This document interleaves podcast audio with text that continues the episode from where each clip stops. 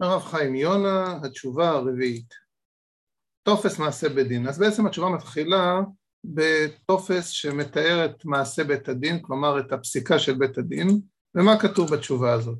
ברביעי בשבת שני ימים נערך סיוון, שנת 5264 לבריאת עולם, כמו שאפשר לראות פה בחשבון, מדובר על שנת 1504, ב' בסיוון, שזה היה ביום רביעי.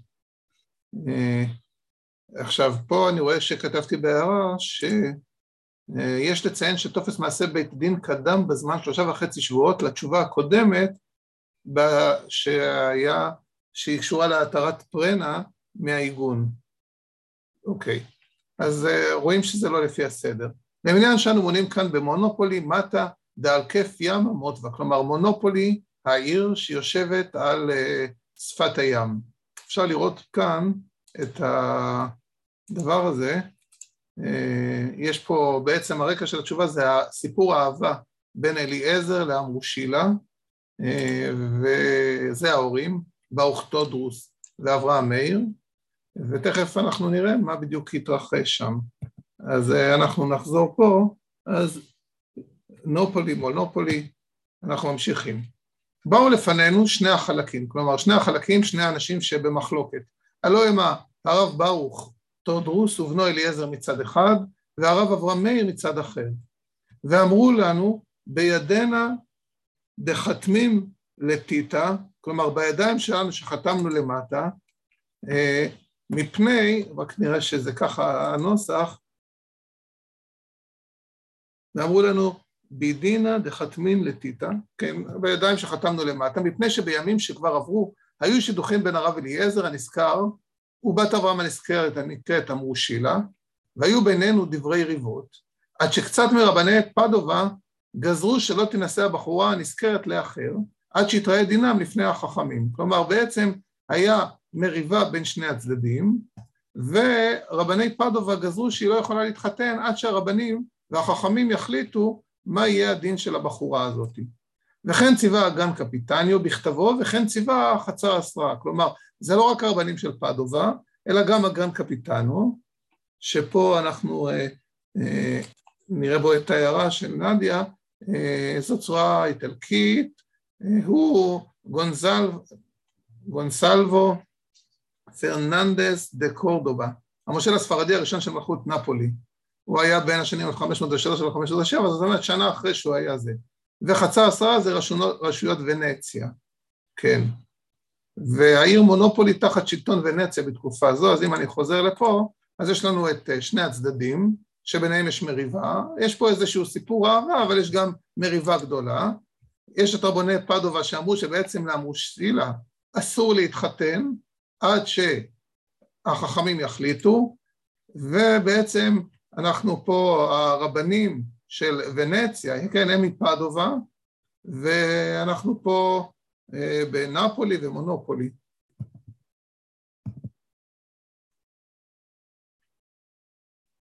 אוקיי.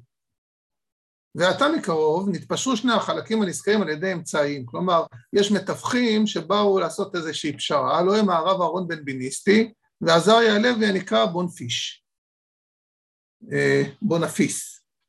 לפתור הבחורה הנזכרת בכל אופן שנגזור. כלומר, זה בעצם בא לחלץ את הבחורה, כי בעצם היא תקועה, היא לא יכולה להתחתן.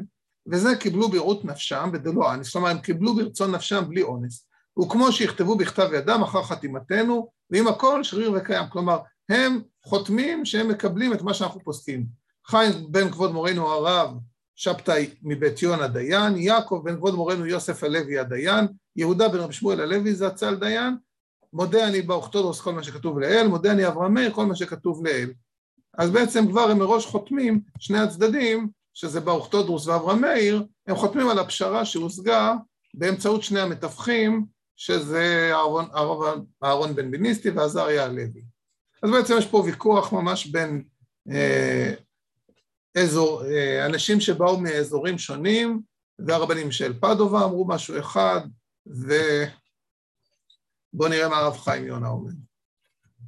ואנחנו בדינה, שאלנה לאליעזר הנזכר, מה הקשר שיש לו עם הבחורה המרוסילה שהוא אינו רוצה שתינשא לאחר? כלומר, אנחנו שאלנו אותו, למה הוא לא מוכן, אה, ש...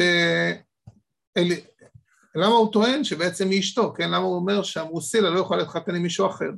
ואמר שהוא ראשון, ראשונה עשה עם השידוכים, כלומר הוא בעצם כבר השתדך איתה, ואחר כך אביו הרב ברוך הנזכר הביא לה סבלונות, ואמר לה, הרי אלו הסבלונות. ובעת הקידושין אביא לך יותר טובים מאלה. כלומר, הוא הביא לה איזה שהן מתנות, והוא אמר, כשתהיה החתונה אני אביא לך מתנות עוד יותר טובות. ואחר כך הבאתי גם לה אני סבלונות אחרים, כלומר, הביא לה עוד מתנות. ואמרתי לה כדברים האלה, שבעת הקידושין אביא לך יותר טובים מאלה. כלומר, גם האבא נתן מתנות ואמר שבחתונה יתקבל עוד יותר, וגם אליעזר, החתן, אה, הביא לה מתנות, ואמר שבחתונה אה, הוא יביא לה מתנות יותר טובות.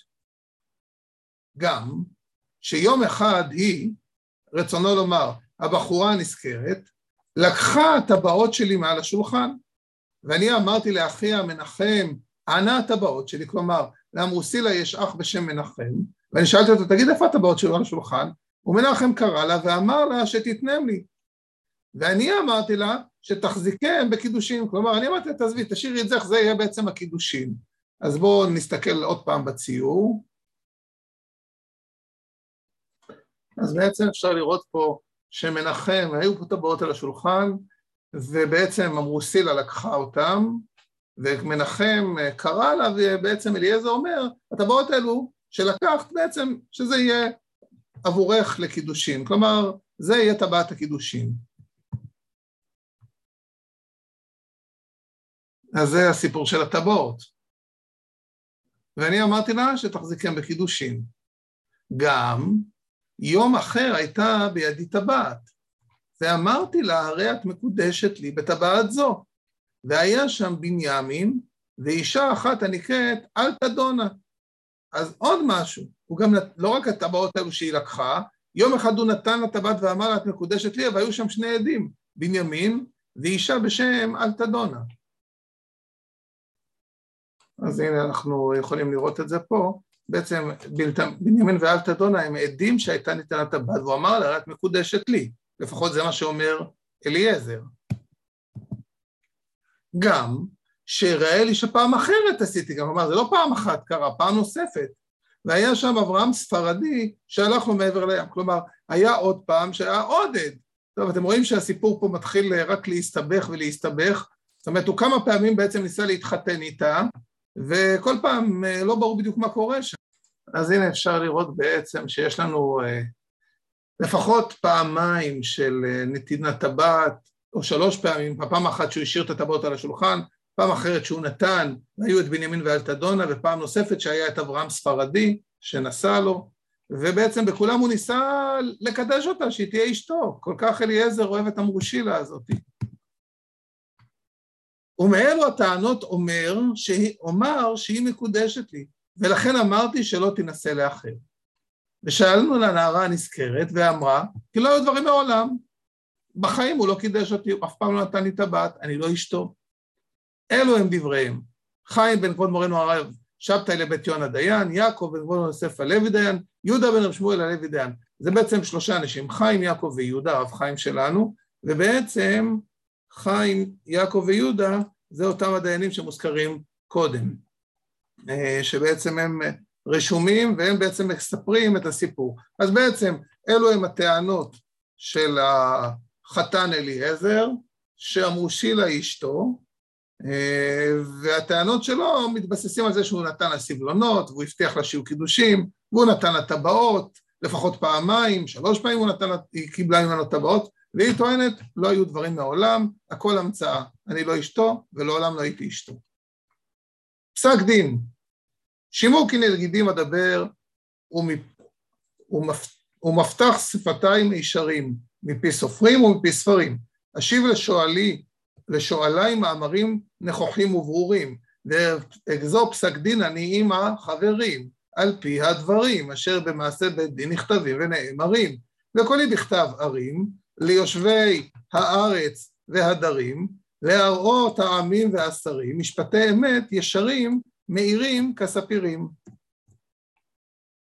ואשר הבלי שווא שומרים, יהיו נכבעים ונסתרים, אין עומר ואין דברים. ואשר ירצה לחרחר מתגרים, כנגד משפטי התורה היקרים, להרבות מחלוקות בישראל וערעורים, אל נקמות אדירים ישמיד פריו ממעל, ושורשיו מתחת לדורדורים. ועתה הואילו פנו בי, ולבכם תשימו לדעתי, כי לא מליבי.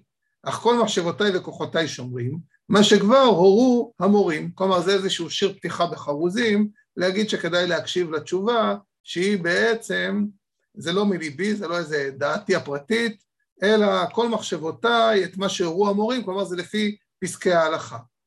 ניקרו נקראתי אני הצעיר, החתום בקצה העירייה, פה העיירה מונופולי, להוציא לאור משפט על דבר אישה עגונה.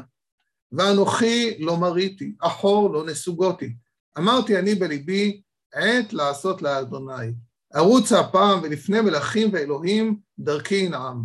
ואבוא העיר מונופולי, והנה שם שני בעלי דינים מייחלים לי לסדר טענותיהם. ואלה שמותיהם, הרב אברהם מאיר, אבי הבחורה, צועק בנפש מרה, למה תהיה ביתי בבית צורה והיא פנויה לא הייתה לאיש מעולם? כלומר, האבא של הבחורה אומר, אני לא, לא מבין, הבת שלי צריכה להיות פנויה רווקה, היא רוצה להתחתן, למה היא תקועה? והרב אליעזר בן, בן ברוך, בן רבי ברוך, תודרוס, כל ברמה אומר, הבאתי לה סבלונות גם כי דשתיה. והבחורה נקראת אמרושילה, משיבה אמרים, לא היו דברים מעולם. יש פה בית מיותרת, בואו נעיף רגע מבט. זה היה השירים החרוזים.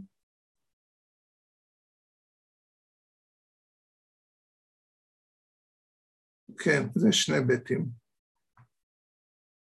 אז אנחנו ממשיכים. וביד אליעזר הנזכר חתימות מקצת רבני קהילת קודש פדובה, שהביא לו אביו ברוך הנזכר על עניין זה, גוזרים על הרב אברהם הנזכר שלא יקדש ביתו לאיש אחר עד שיתברר הדבר לפני חכמים. כלומר, רבני פדובה אומרים, אתה לא יכול שהבת שלך תתחתן עד שזה לא יתברר אם היא התחתנה עם אליעזר או לא. ואלה שמות הרבנים שכתבו על עניין זה, ראשונה מורנו הרב יוחנן בן יוסף. אז יש פה כמה רבנים כמו שאתם יכולים לראות, הרב בנדיט אקסלדרה, הרב יצחק שמואל זנבל, הרב מנחם יקותיאל כהן. בקיצור, הפסק, השאלה הזאת ממש הסעירה את העולם הרבני באיטליה של השנים ההם, וכמה רבנים כתבו תשובות. אז הראשון, הרב יוחנן בן יוסף.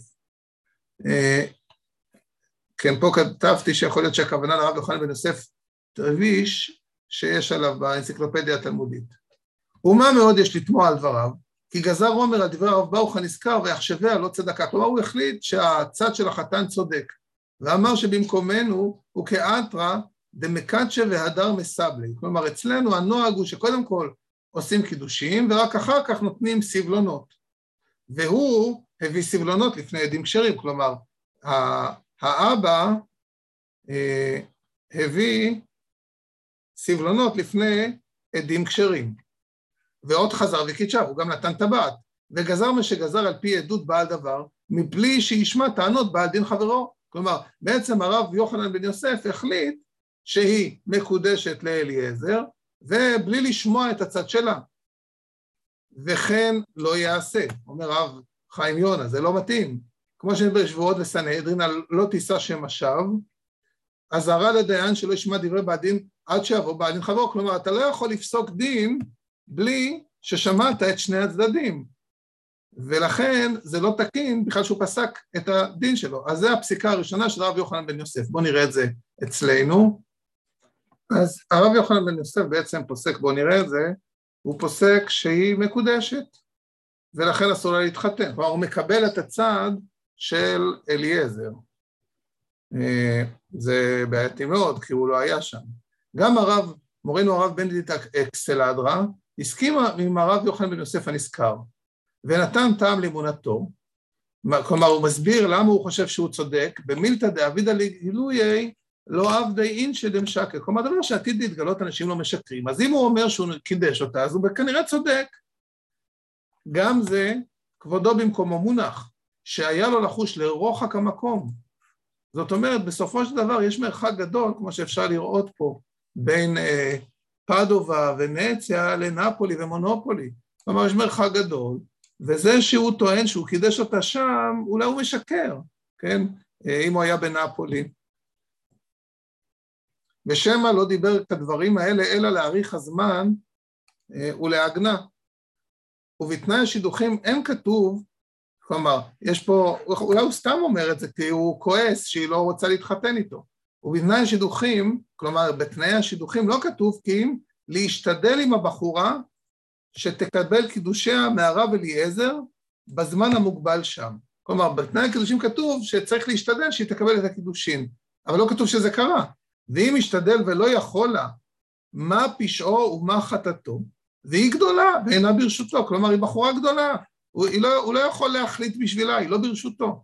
ואם הוא חטא, כלומר אם הוא לא בסדר, היא מה חטאה ומה פשעה להגנה. טוב, אפשר כבר להבין את הכיוון של התשובה, שבעצם אה, הרב חיים יונה כבר מוביל אותנו, כבר בשלבים הראשונים, להבין שהיא לא מקודשת. בניגוד בינתיים לשני הרבנים שפסקו שהיא מקודשת, הרב יוחנן בן יוסף והרב בן אלכסדרה, שקיבלו את הטענה של אליעזר, והוא אומר, אין פה עדות שהיא באמת התקדשה. גם מורנו הרב יצחק שמואל זנבל, אה, יש עליו ליתן את הדין, שהרבה והפציר לדבר כנגד אברהם, הרב אברהם מאיר, כלומר הוא דיבר עם האבא של הבחורה, עד שאמר על עניין זה שאברהם הנזכר הקדיח את אבשלום, אומר בעיה שלך, אתה לא בסדר. והוא לא ידע אם זך ואם ישר פה או לא, והוא לא ידע ולא שמע טענותיו, הוא נתנו לשמצה, כלומר הוא כועס על האבא בלי שהוא שומע אותו בכלל. מי ייתן וידע מה ראה על ככה ומה הגיע אליו. אמנם מורנו הרב מנחם יחותיאל כהן, כי שפתי כהן ישמרו דעת ותורה יבקשו מפירוט, כמובן זה פסוק, סיכל את ידיו ולא כתב כדבריהם. כלומר, הוא באמת לא אמר שהיא מקודשת. אין אמת יגיע חיקרו, כי ראוי להתרחק מאיסור אשת איש. כלומר, הוא כתב שהיא לא מקודשת, אבל אולי היא אישה נשואה. לכן טוב שלא תינשא לאחר עד שיתברר הדבר. ואיך שיהיה כולם כאחד יעידון יגידון, שתהיה אסורה עד שיתברר הדבר לפני חכמים. כלומר, מסכימים כולם שבעצם היא לא יכולה להתחתן עד שיתברר אם היא נשואה או לא. והגאון מורנו הרב יהודה מינץ, ראש רבני קהילת קודש פדובה, כתב על חתימת מורנו הרב יוחנן בן יוסף הנזכר, אמת החותמת, נאום הטרוד, יהודה מינץ. כלומר, יהוד הרב אה, יהודה מינץ כתב חותמת, אמת החותמת. כלומר, איזשהו משהו אה, שהוא אה, מאמת. רק נשלים את התמונה, שלושת הרבנים האלו בעצם טוענים שהיו פה קידושין, הרב מנחם מקוטל אומר, לא, לא אומר שהיו קידושים, אבל צריך להתרחק מאשת איש, והרב יהודה מינץ הוסיף את החותמת שלו על דברי הרב יוחנן בן יוסף. כלומר, בעצם על זה יש חותמת. אז בעצם הרב יהודה מינץ כותב על הפסק של הרב יוחנן בן יוסף, שטען שיהיה פה קידושין, אמת החותמת. אוקיי.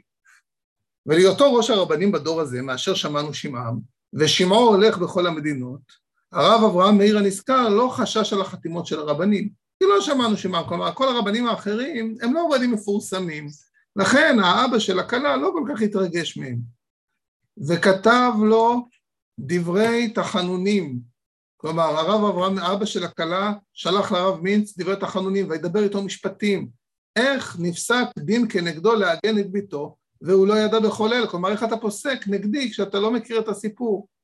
והגאון, מורנו הרב יהודה, לצדק את נפשו ולהציל עצמו מדיבה כזאת, כלומר שלא יגידו שהוא סתם פוסק ויוציאו עליו שם רע, השיב אברהם מאיר בכתב וזהו הטופס מועתק, מילה במילה מבלי תוספת ומגרעת וזה לשונו. עושה השלום יפוס עליך סוכת שלומך.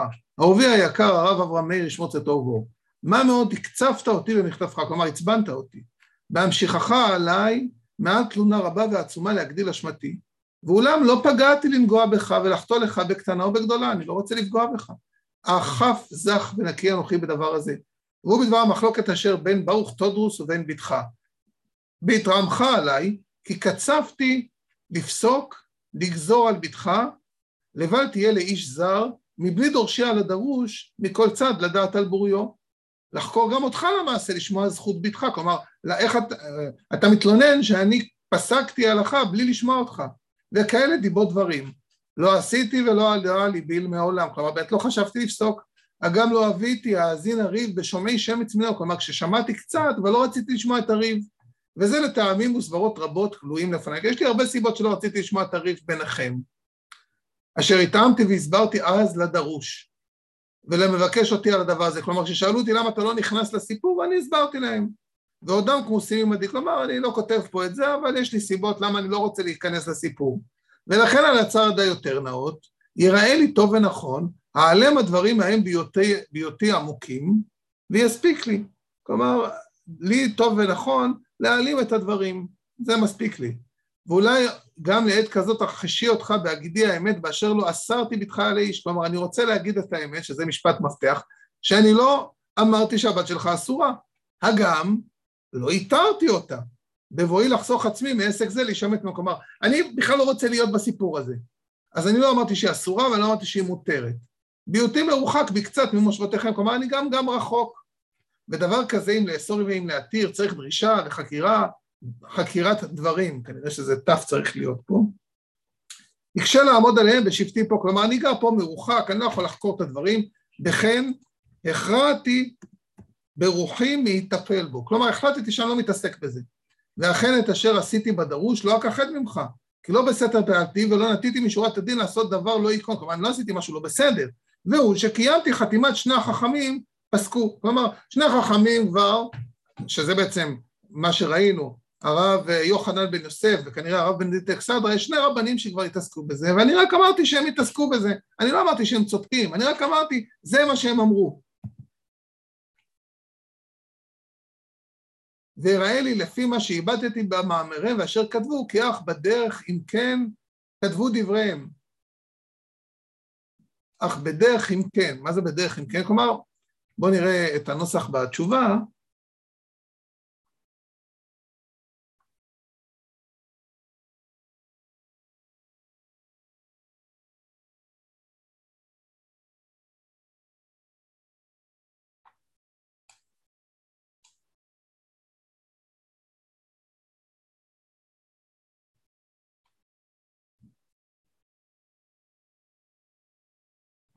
חתימת שני החכמים פסקו, וראה לי יפה שבט דבריהם, שעזבו כי אך בדרך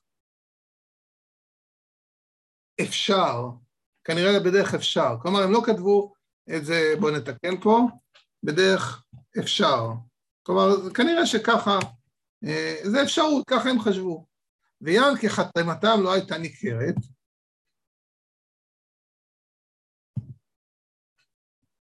ויען כי חתם לא הייתה ניכרת, באתי אני מעיד בחתימתם למען תוקרא, כלומר בגלל שהם לא אנשים מפורסמים ולא מכירים אותם, אז אני, שאני בן אדם מפורסם, באתי להעיד שהם ככה אמרו, כי מאלה לא יכולתי להימלט בהיותי ראוי, כלומר אין ברירה, אני בכל זאת כתובת, וכתבתי אמת החותמת. אכן, לדבר בתוכן העניין, לחתוך בו הדין ולגזור בו גזרה, האומר בי ככה, שקר לי. כלומר, אם מישהו אומר שאני הכרעתי, לא נכון, אני בכלל לא פסקתי. ואל תטמע כי כן עשיתי. כלומר, אם אתה שואל, אז למה עשית את זה? למה חתמת על מה שהם כתבו שזה אפשרי וכתבת שבאמת ככה הם כתבו? לאשר לקיים חתימתם בדבר אשר לא אביתי, תעסק בתמציתו. כלומר, אתה בכלל לא רצית, אני לא רוצה להתעסק עם זה, אז למה חתמתי?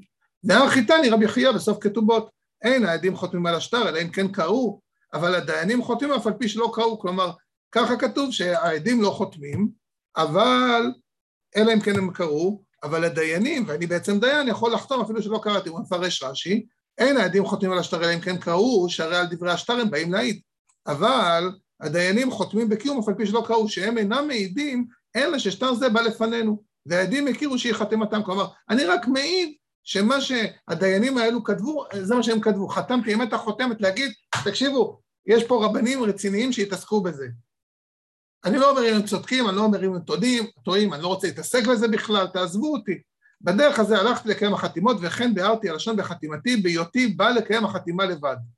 והאומר כי הוספתי לכתוב או להסכים לעגן בתך, כלומר אם מישהו אומר שאני רוצה שהבת שלך לא תתחתן, אין בפיו נכונה, ועתיד ליתן את הדין, הקדוש ברוך הוא יעניש אותו, כי אני לא רוצה, לא אמרתי כלום, אני לא יודע. והנה בעבור עתיר בתך מנשים באוהל תבורך, כלומר בכל זאת יש לך בת יקרה, ביקשת מאיתי להגביל זמן לכשנגדך להביא ראיותיו. כלומר, אתה ביקשת שאני אקבע איזשהו זמן שהצד השני יביא הוכחות שהיא מקודשת. להראות העמים האם בתך אסורה או מותרת. ואל יהיו חיי בתך תלויים נצח ככה בעיגון, כלומר אתה לא רוצה שהבת שלך תישאר לנצח. לאלה לא ידעתי מה הוא אמר ומה אדבר. כלומר, אני לא יודע להגיד, כי יעדתי שלא יתעסק בדבר הזה, תעזוב אותי, אני לא רוצה לדבר על זה. ובכן לא ידעתי אם לימין או לישמאל. ואומנם, הגיעוני פסקי של הרב מורנו חיים סיציליאנו, ישמור צאתו כלומר, אני ראיתי תשובות של הרב חיים סיציליאנו בדבר עסק, גיטין וקידושין, והם ישרו לי במאוד בהרבותו ראיות וחילוקון, כבר ראיתי שהוא מבין בעניין, יש לו הרבה הוכחות וחילוקים, בכן אבחר בו למנותו על ככה, כלומר, אני מחליט שהוא, אני ממנה אותו שהוא יתעסק בזה. בהיותו קרוב אל הדבר, לשמוע כל הנעשה, הוא גם קרוב, הוא גר קרוב, כן? ואשר נתבע בו, יראה דבר המשפט, אולי יברור אליו חכם מה, יסכים אל אשר יאמר ויעשה, כלומר, אולי כדאי גם שהוא יצטרף, פה יש פה איזושהי רמיזה פוליטית, רבנית, שעדיף שהוא יעשה את זה עם עוד איזה רב, וכאשר יגזור כן יקום. זהו מה שידעתי לדבר ולעשות בדבר הזה לעת כזאת, נאום הטרוד יהודה מיץ קהל לשלום. כלומר, הרב יהודה מיץ בעצם אומר, תעזבו אותי, אני לא מעוניין להתעסק בתשובה הזאת, אני גר רחוק, אני לא אמרתי שום דבר, אני רק אמרתי שיש רבנים שהתעסקו בזה, ולכו לרב חיים סיציליאנו, והוא יודע לענות, כדאי שייקח איתו עוד איזה רב, וזה גם כנראה מסביר למה הרב חיים יונה גם אה, מדגיש בתשובה שהוא פוסק את זה יחד עם הבית דין שלו. ואני הצעיר בראותי מצוות מורנו הרב יהודה מינץ עליי, עשיתי כל אשר ציווני. ואבחר בחברתי החכם הרב יעקב בן כבוד מורנו יוסף הלוי הרופא. כלומר, בעצם הרב חיים יונה מקבל את העצה של הרב מינץ, והוא מצרף אליו את הרב יעקב בן יוסף, וכדי שלא להיות בדין שקול, דתנן פרק כמה בסנהדרין, את בן דין שקול, מוסיפים לנו עוד אחד, הרי עשרים ושלושה, לקחנו עמנו הרב יהודה בן כבוד מורנו שמואל הלוי אשכנזי. כלומר בעצם יש כאן שלושה דיינים, שזה בעצם בית הדין של הרב חיים יונה. בואו נראה את זה. זה בעצם בית הדין של הרב חיים יונה, שנדרש לסיפור, הרב חיים יונה בעצמו, הרב יוקר בן יוסף הלוי, שהוא רופא, והרב יהודה בן שמואל הלוי, אה, שהוא אשכנזי. אז בואו נראה מה קורה. ובמותיו תלתה אחד האבינה. כלומר, היינו שלושתנו ביחד, ובררו טענותיהם לפנינו כאשר כתוב וחתום במעשה בדין. וכאשר שמענו טענותיהם אחר העיון והמיתון, עסקנו הדין ככה, כך, יש פה איזושהי כפילות, בואו נראה אם זה גם בכתב היד,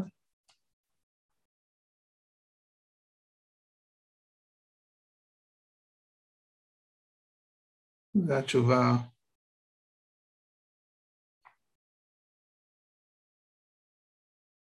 פסקנו הדין כך.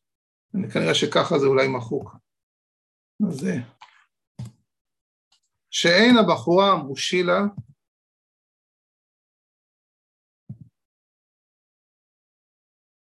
תמ"ה, אה, כנראה זה איזושהי ברכה, אני לא יודע, תבורך מנשים, אה, צריכה גט מאליעזר הנזכר כלל ועיקר, כלומר היא לא צריכה שום גט ואינה קשורה בו שום קשר בעולם והרי קנויה. ולא אמרתי לאליעזר להביא העדים שהזכיר, מפני שאפילו יהיו העדים מעידים כדבריו, אין בכך כלום כמו שנאמר. כלומר, גם אם הוא יבוא מביא עדים, אני לא רוצה שהוא צריך להביא עדים, העדים שהוא יביא, שהוא נתן לטבעת, הם לא שווים שום דבר.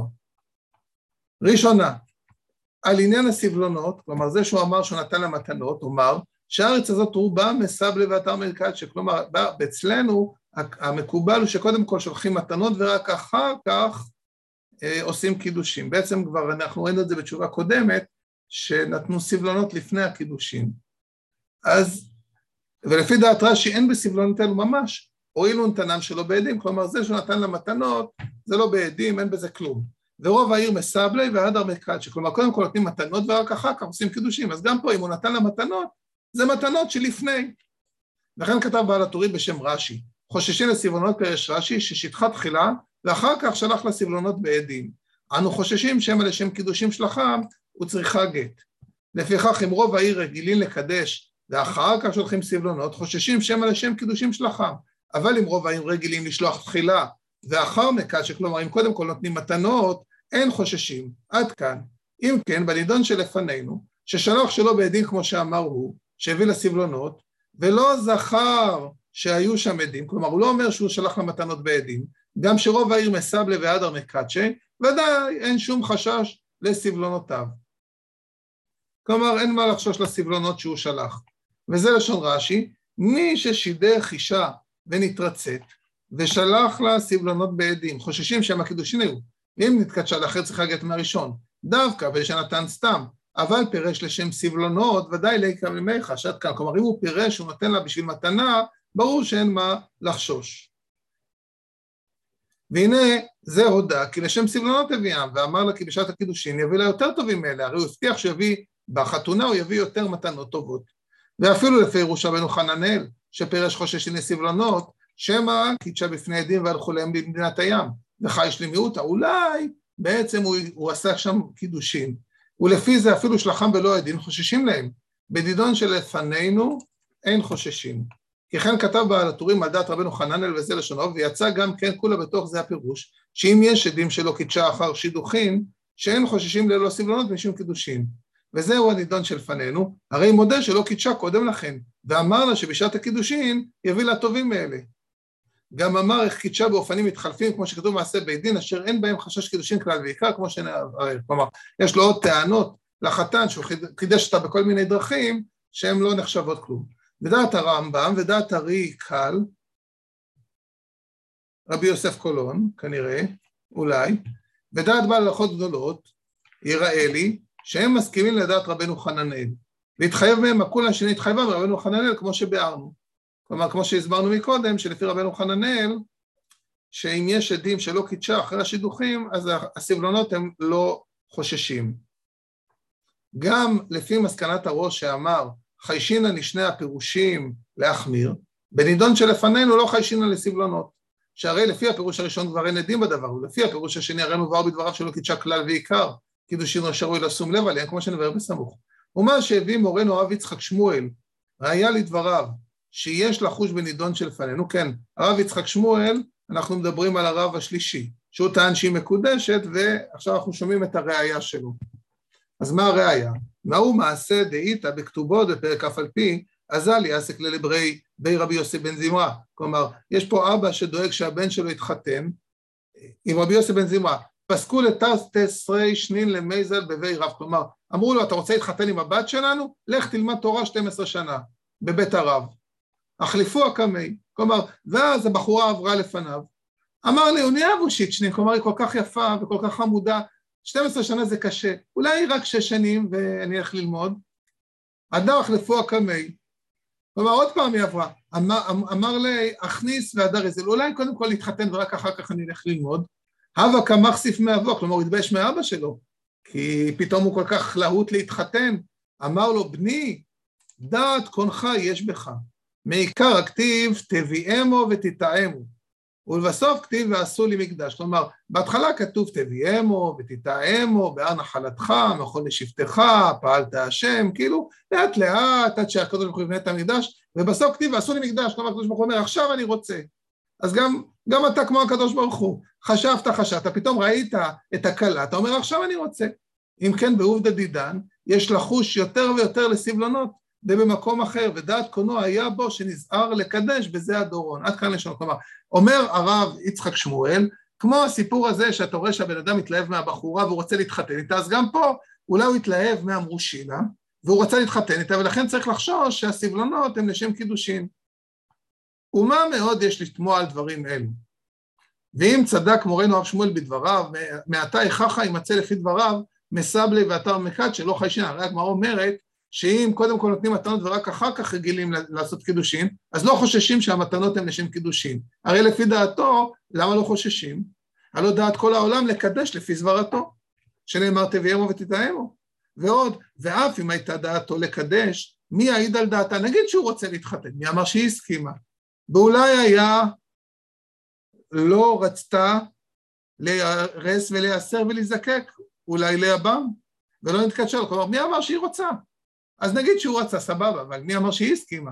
והלא תנן אישה מתקדשת אלא לדתם. מאין יוכיח זה להולידו? מהו דפרק אף על פי. כלומר, אתה יכול לכל היותר לומר שהוא רצה להתחתן ואולי ממש הוא רצה להתחתן עכשיו. אבל מי אמר שהיא הסכימה? ועוד, שם, שמה לא הוזכר אירוסין, אך אמר לו אכניס וזהו ניסין, אכן אירוסין, מנין לא זה? כלומר, הוא אמר שהוא רוצה להתחתן, אבל מי אמר, מה עם אירוסין, מה עם קידושין?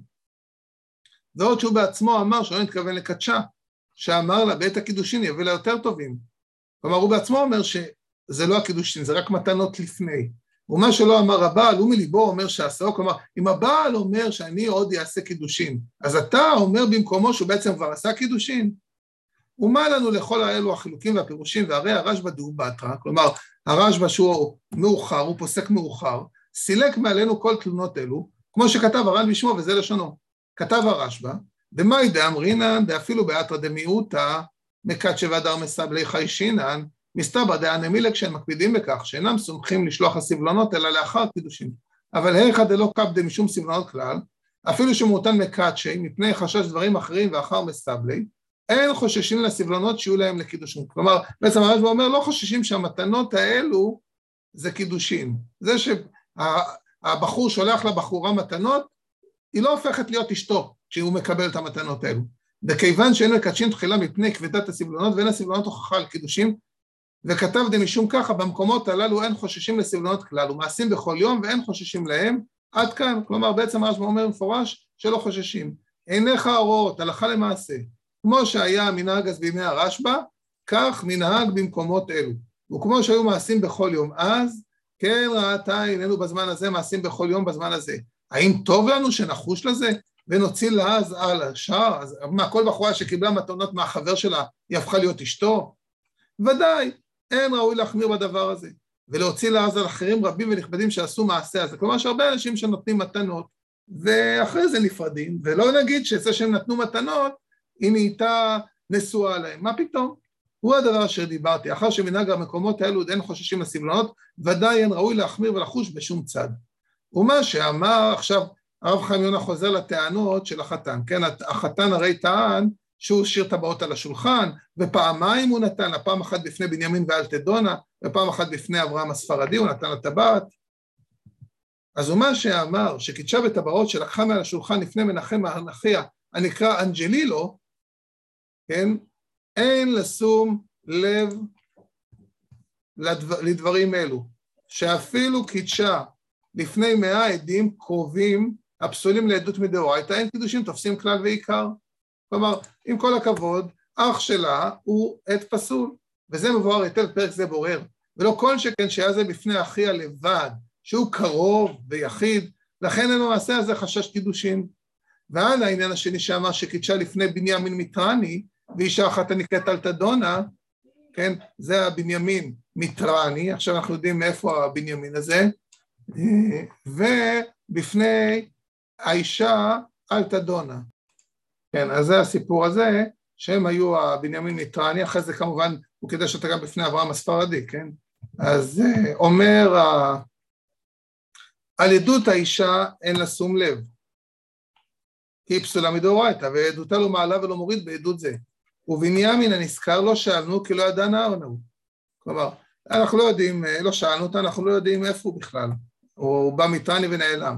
אבל אף שהייתי דבריו, כלומר, גם אם הוא יגיד שכך היה, שהייתה טבעת שהוא נתן, אין בכך כלום. כי המקדש ביד אחד אין חוששים לקידושיו, ואפילו שניהם מודים. לא כל שכן שהיא אומרת שלא היו דברים מעולם. כלומר, היא בכלל אומרת, בכלל זה לא קרה, הוא ממציא, הוא לא נתן אף פעם טבעת. לכן כתב הרמב"ם בהלכות אישות, הוא בעל הטורים והריף בפרק האומר, איתמר, אמר רב נחמן, אמר שמואל, המקדש בעד אחד, אין חוששים לקדושיו, ואפילו שניהם מודים, וכן הלכתה. כלומר, אפילו אם שניהם מודים, אם יש רק עד אחד לא חוששים. אז בטח פה, שיש עד אחד, אין עד אחד, כי הוא נעלם. אבל גם אם היה עד אחד, היא בכלל לא מסכימה. אז אפילו שניהם מודים, זה לא נחשב קידושין. וכן הלכתה.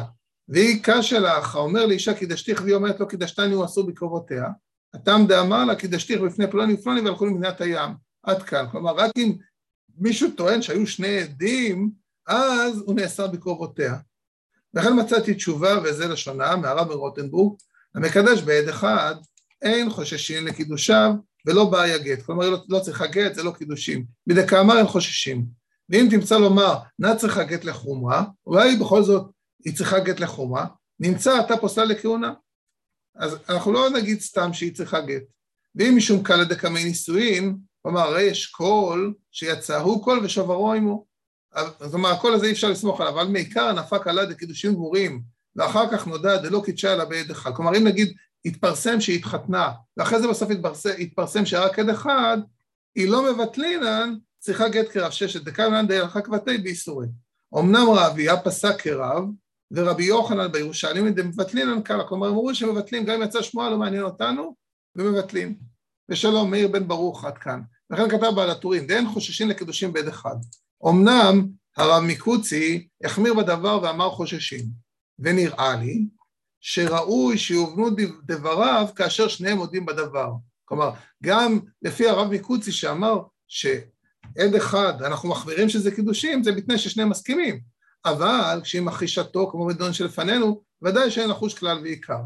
ומה שאמר שפעם אחרת עשה כן לפני אברהם ספרדי, כן, הרי הוא סיפר שזה פעם, פעמיים קרה שהוא נתן לה טבעת, שלוש פעמים, אבל זה בפעם השלישית, כן, שאמר לה את מקודשת לי והיה שם אברהם ספרדי. ואף שנניח שהיה אמת, הנה הוא עד אחד, כמו שביארנו ומצטרפים. ואפילו שיהיו שניים, נניח שהיו שניים, ואמר שהלכו מעבר לים, אינו נאמן לאוסרה. כלומר, אי אפשר לסמוך זה שהוא אומר שהיו עדים, במקרה הזה הוא אומר שהיה עד אחד, אבל גם אם הוא אומר, היה אומר שהיו שני עדים, הוא לא נאמן. כמו שכתב הרמב"ם בפרק ט' מלכות אישות, האומר לאישה קידשתיך, והיא אומרת לא קידשתני. הוא אסור בקרובותיה והיא מותרת בקרוביו. וכל אלו שטוענים הקידושים, ושטוען הטוען שיהיו שם קידושים לפני עדים, כלומר, אם הטוען אומר שהיו שם עדים, והלכו למדינה אחרת או מתו, אבל אם הודו שלא היו שם עדים, אין קידושים, כלומר, אם הם מסכימים שהיו שני עדים, בכלל קידושים, הרי נתבהר. שאפילו היה אומר שהיו שניים, והוא אומר שהלכו למדינת הים, הוא נאמן לאסור עצמו בקרובותיו, ואינו נאמן לאסור אותה להצליחה גט. וכן כתב אריאף כמו שכתב לי למעלה. וכן כתב בעל הטורים באבן העזר בסימן ח' וזה לשונו. אמר לי אישה קידשתיך לפני פלוני, פלוני ופלוני, כן, והלכו להם למדינת הים, והיא אומרת לו קידשתני, הוא אסור בקרובותיה, והיא מותרת בקרוביו עד כאן. ועל דבר הקול שיצא, כלומר, יש הרי בכל זאת שמועה שהתחתנה, ודאי לחוש לקול, וש... לקול ושוברו עמו, כלומר, פה הקול עצמו, שהשמועה הזאת היא מבוססת על הדברים מאוד בעייתיים, כמו שכתבתי. ועוד שלא הוחזק בבית דין. כלומר, גם אין בבית דין, היא לא באה לבית דין בתור אישה נשואה. ולא אורך בזה, כי כבר הארכתי בתשובת שאלה אחרת, על אישה, זו התשובה הבאה, שנתקדשה בפני עדים פסולים מדאורייתא, ויצא עליה שם שהיא מקודשת. כלומר, זה סיפור אחר. סוף דבר, אין בכאן שום חשש קידושין, והרי היא פנויה במוחלט, ואינה צריכה גט בשום צד. כלומר, היא לא צריכה גט בשום צד. האומנם? מפני שהרב אליעזר הנזכר היה פוסע על סעיפים רבים, כלומר, הוא היה חצוף החתן, ואומר שקידשה בכל האופנים הנזכר פעמיים שלוש, כן, הרי הוא אומר שפעמיים שלוש הוא נתן לה טבעת וקידש אותה. מורה שהיה מבקש על לא דברים.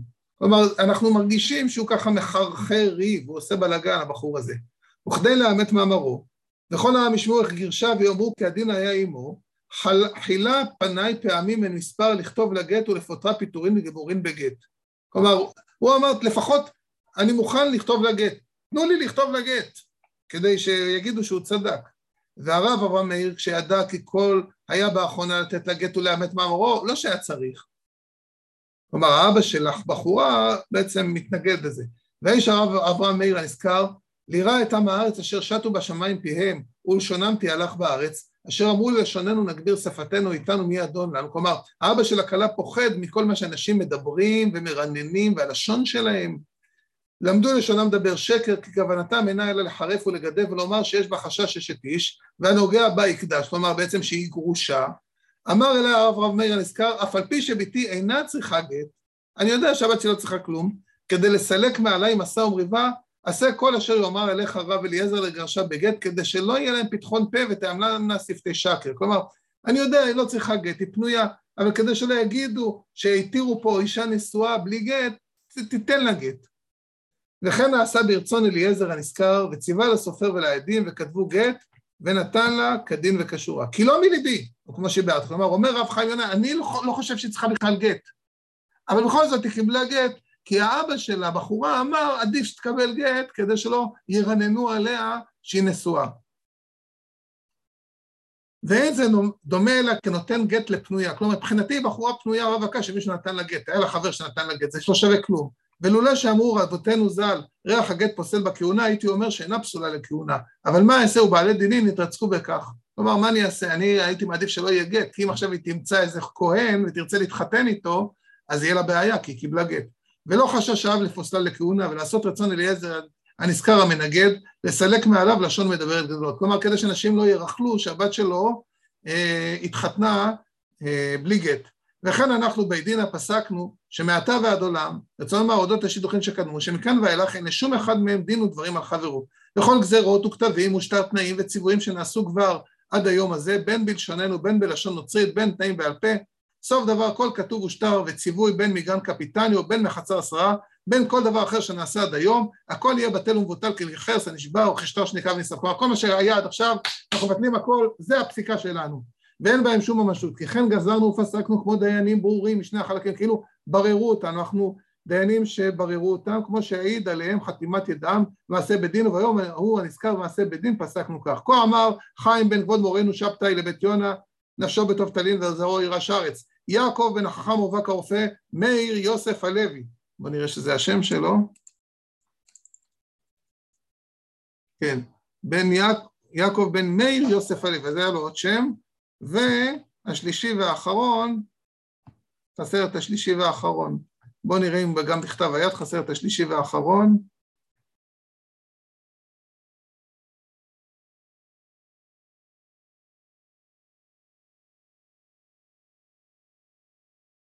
כן, אז איפה נעלם השלישי? מעניין, יעקב בן מאיר יוסף הלוי. אז uh, מעניין מאוד שהשלישי